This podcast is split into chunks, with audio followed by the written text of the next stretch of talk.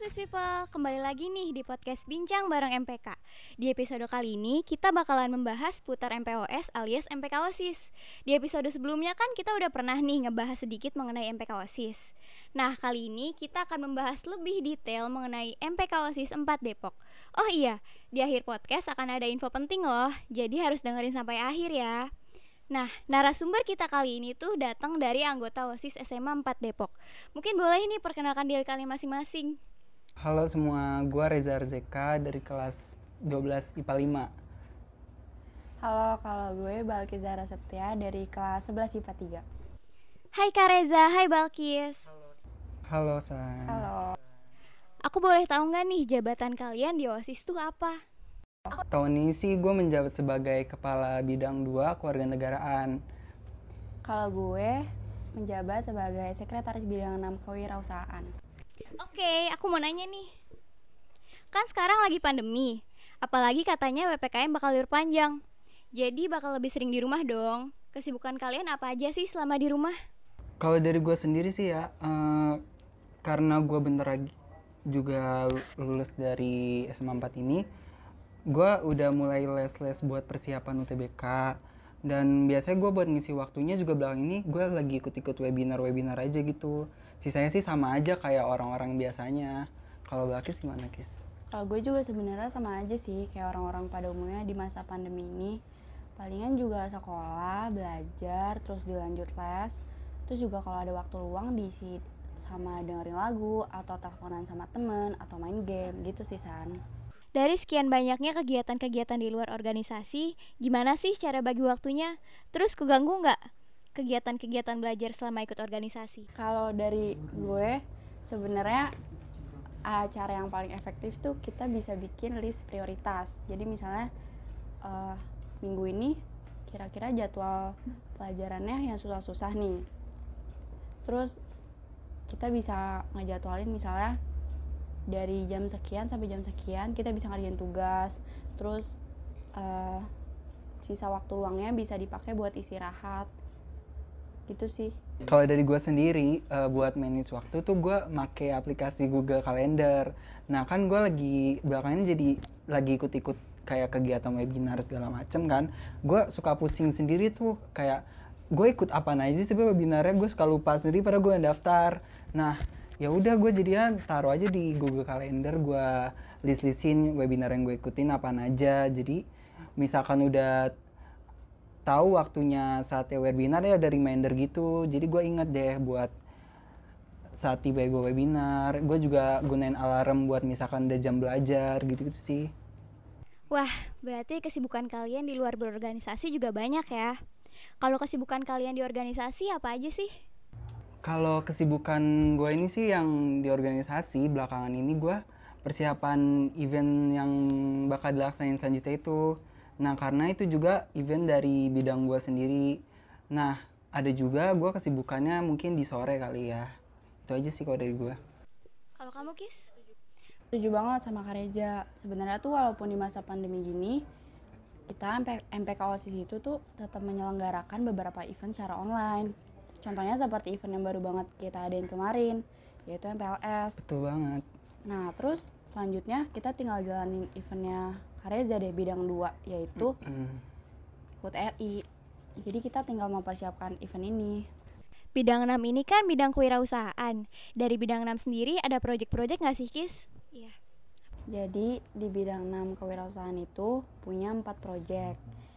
Yang pertama Swiss Company atau Koperasi Siswa yang kedua minyak jelantah, yang ketiga menjual pulsa, dan yang terakhir seminar kewirausahaan. Jadi gue jelasin aja kali Hasan. Kalau untuk Swiss Company ini, kita tuh ngejual barang-barang kayak kosmetik, alat tulis, dan lain-lain. Kalian bisa banget cek Instagramnya. Namanya Swiss 4 Company. Jangan lupa follow ya. Ya, boleh di follow dan di share. Terus kalau untuk minyak jelantah itu, uh, kita itu sistemnya ngumpulin minyak-minyak bekas jadi kalian juga bisa dapat uh, benefitnya bisa minyak yang baru atau bisa uang terus kalau untuk jualan pulsa ya kayak jualan pulsa kayak biasa. Kalau untuk seminar kewirausahaan insya Allah akan dilaksanakan setahun sekali. Gue mau nanya itu deh kis. Kalau buat minyak jelantah tadi itu yang bisa ngasih tuh siapa aja sih yang bisa partisipasi juga di minyak jelantah itu? Untuk minyak jelantah sendiri tuh sebenarnya boleh untuk orang-orang umum, tapi kita itu lebih targetin uh, di wilayah sekitar Sukatani. Oh gitu. Oh, berarti proyek-proyek dan event-event dari OSIS tuh tetap bisa terlaksana ya walaupun dilaksanakan secara daring. Iya, betul banget. Betul banget. Oke, kira-kira menurut pandangan kalian seberapa penting sih organisasi itu? Mungkin dari Balkis dulu kali ya. Oke. Kalau menurut aku pribadi, organisasi itu tuh penting banget untuk mengembangkan kemampuan diri sendiri. Di dalam organisasi itu tuh kita bisa meningkatkan kepercayaan diri kita sendiri dan yang pasti kita akan lebih bertanggung jawab atas setiap sikap, tindakan, dan keputusan yang bakal kita ambil. Kalau dari Kareza gimana? Uh, kalau dari gue sih setuju banget sih apa yang Mbak Kis bilang. Nah, kalau dari gue sih ada tambahan karena dunia pekerjaan sih. Kalau dunia pekerjaan itu biasanya juga bakal mandang lo ikut pernah ikut nggak sih organisasi-organisasi. Nah, pasti itu bakal bermanfaat banget buat nanti kita ke depannya.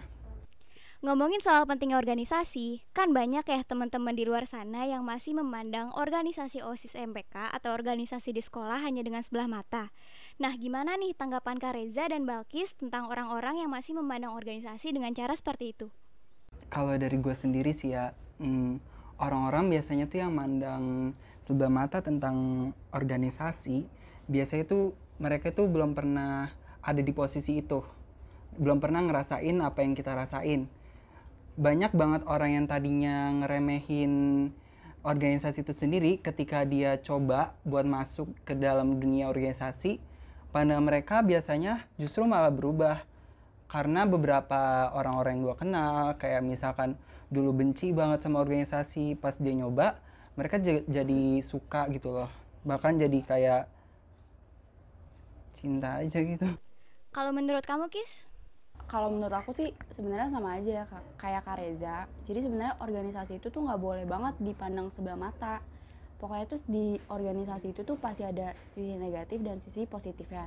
Tapi di sisi positifnya, di sisi negatifnya itu justru kita bisa belajar dijadiin pelajaran untuk ke depannya.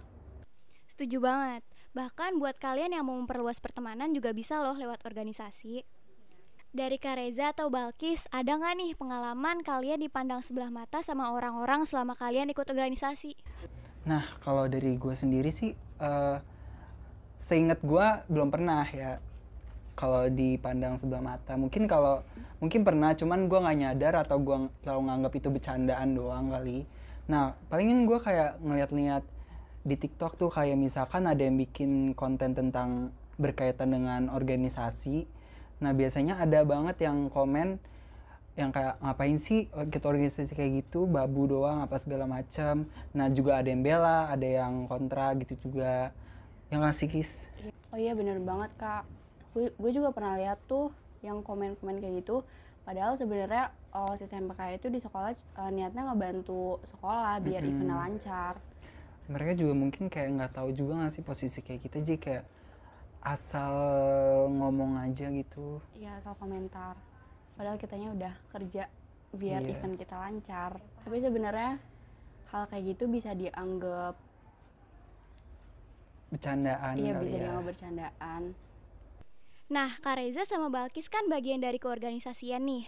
Pasti tahu dong benefit apa aja yang bisa kita dapetin kalau kita menjadi bagian dari organisasi dari Kareza dan Balki sendiri, apa aja sih benefit yang didapat selama kalian mengikuti organisasi? Kalau benefit organisasi itu sendiri, uh, seperti yang gue bilang pas tadi kan, seberapa pentingnya organisasi bagi kita gitu loh. Jadi menurut gue sih sama aja benefit sama pentingnya organisasi. Kalau menurut Balkis gimana Kis? Kalau benefit yang aku dapetin pas menjabat itu tuh uh, aku jadi lebih mudah memperluas relasi pertemanan dengan orang-orang yang baru. Tapi itu bukan cuma pertemanan. Di dalam organisasi itu tuh kita bisa ngerasain kekeluargaan. Terus juga di organisasi ini aku juga jadi ngerti caranya memanage waktu dengan baik. Organisasi yang ada di SMA 4 Depok kan ada MPK dan OSIS nih Perbedaan dari OSIS dan MPK itu sendiri apa sih? Mungkin bisa dari perbedaan job desk, event, atau project-project dari OSIS MPK itu sendiri. Biar teman-teman di rumah bisa tambah yakin nih buat nentuin jabatan yang mereka inginkan di MPK OSIS. gitu oke jadi nah dari osis dulu kali ya Iya. jadi osis ini eh, memiliki beberapa tim inti yaitu ketua osis wakil ketua osis sekretaris bendahara dan osis ini memiliki 10 bidang bidang satu kerohanian bidang dua kewarganegaraan bidang tiga bela negara bidang empat kedisiplinan bidang lima kepemimpinan bidang enam kewirausahaan bidang 7 olahraga, bidang 8 kesenian, bidang 9 bahasa, dan terakhir bidang 10 yaitu bidang IT.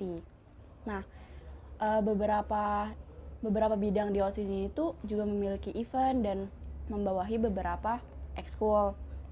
Terus kalau untuk MPK, MPK ini juga dibagi eh, beberapa tim inti, yaitu ketua, wakil ketua, ketua komisi, sekretaris, bendahara, da- dan memiliki lima komisi dan komisi aspirasi.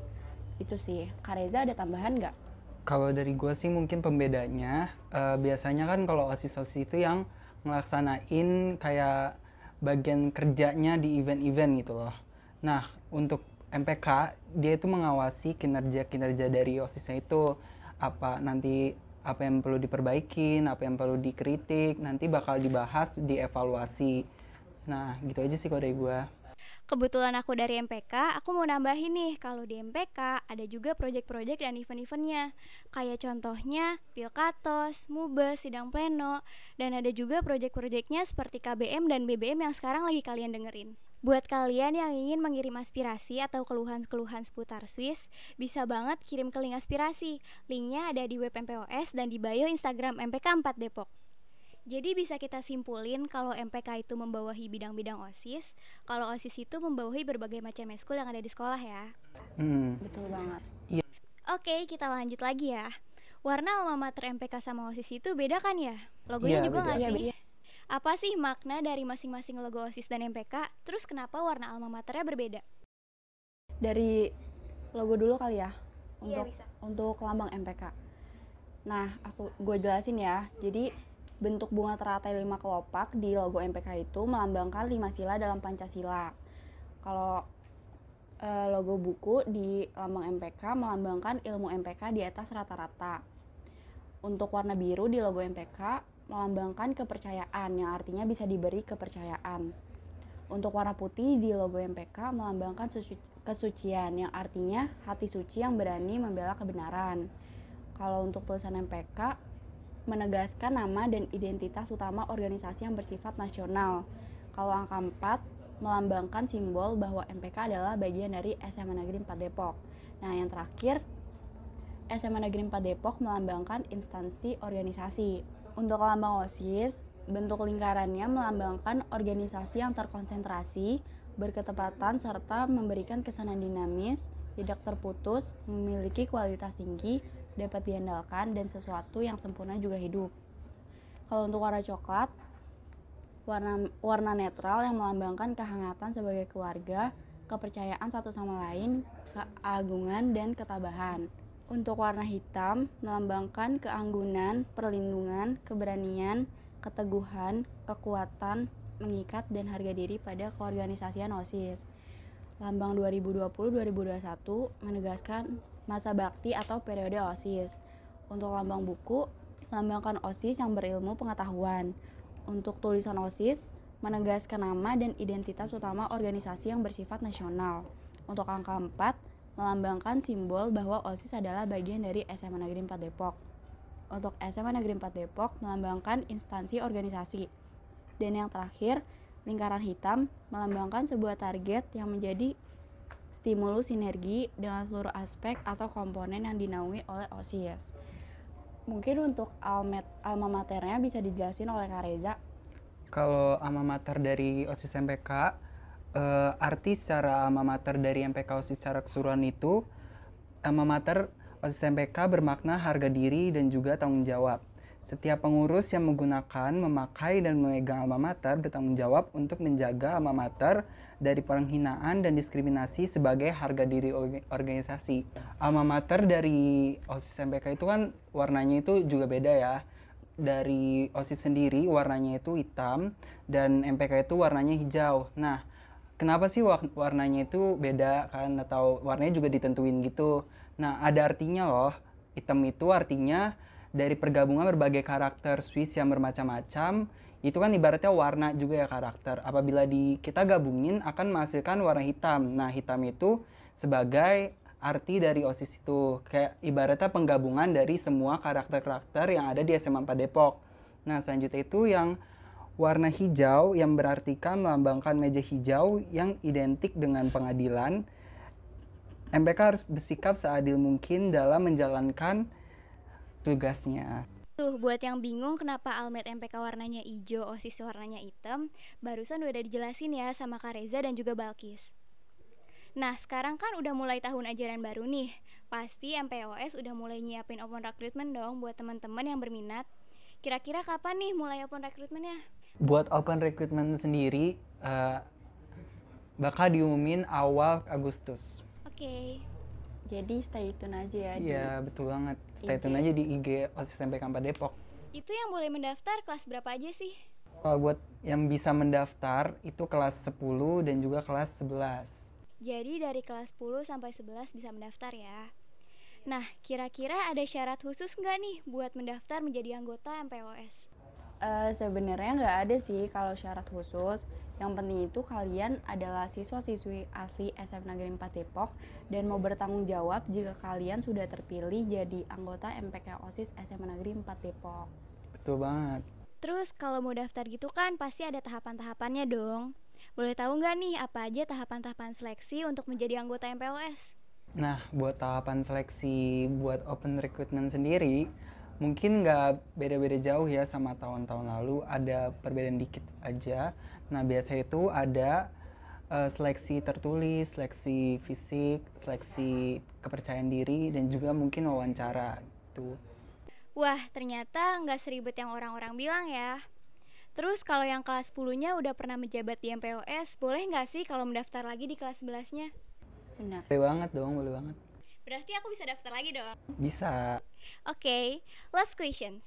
Ada nggak nih pesan buat teman-teman yang ingin mendaftar jadi anggota MPOS? Kalau dari gue sendiri, mungkin dari kalian persiapin diri kalian, mental, dan juga info-info tentang seputar Swiss juga MPK OSIS kan mungkin kalian buat kelas 10 juga udah dikasih tahu kan pas selama MPLS info-info tentang sekolah. Nah, kalau buat kelas 11 mungkin nggak ada bedanya juga kalau dari Balkis? Kalau dari aku sebenarnya uh, sama kayak Kak Reza sih. Yang penting tuh persiapkan diri, sama siapin mental, dan harus siap bertanggung jawab di dalam organisasi ini. Itu San. Mungkin segitu aja kali ya podcast kita kali ini. Makasih buat Kak Reza dan Balkis yang udah mau ditanya-tanya soal MPK dan OSIS. Makasih juga buat teman-teman semua yang udah dengerin episode kali ini sampai habis. Jangan lupa dengerin episode-episode selanjutnya ya. Dadah. Dadah. Dadah. Dadah.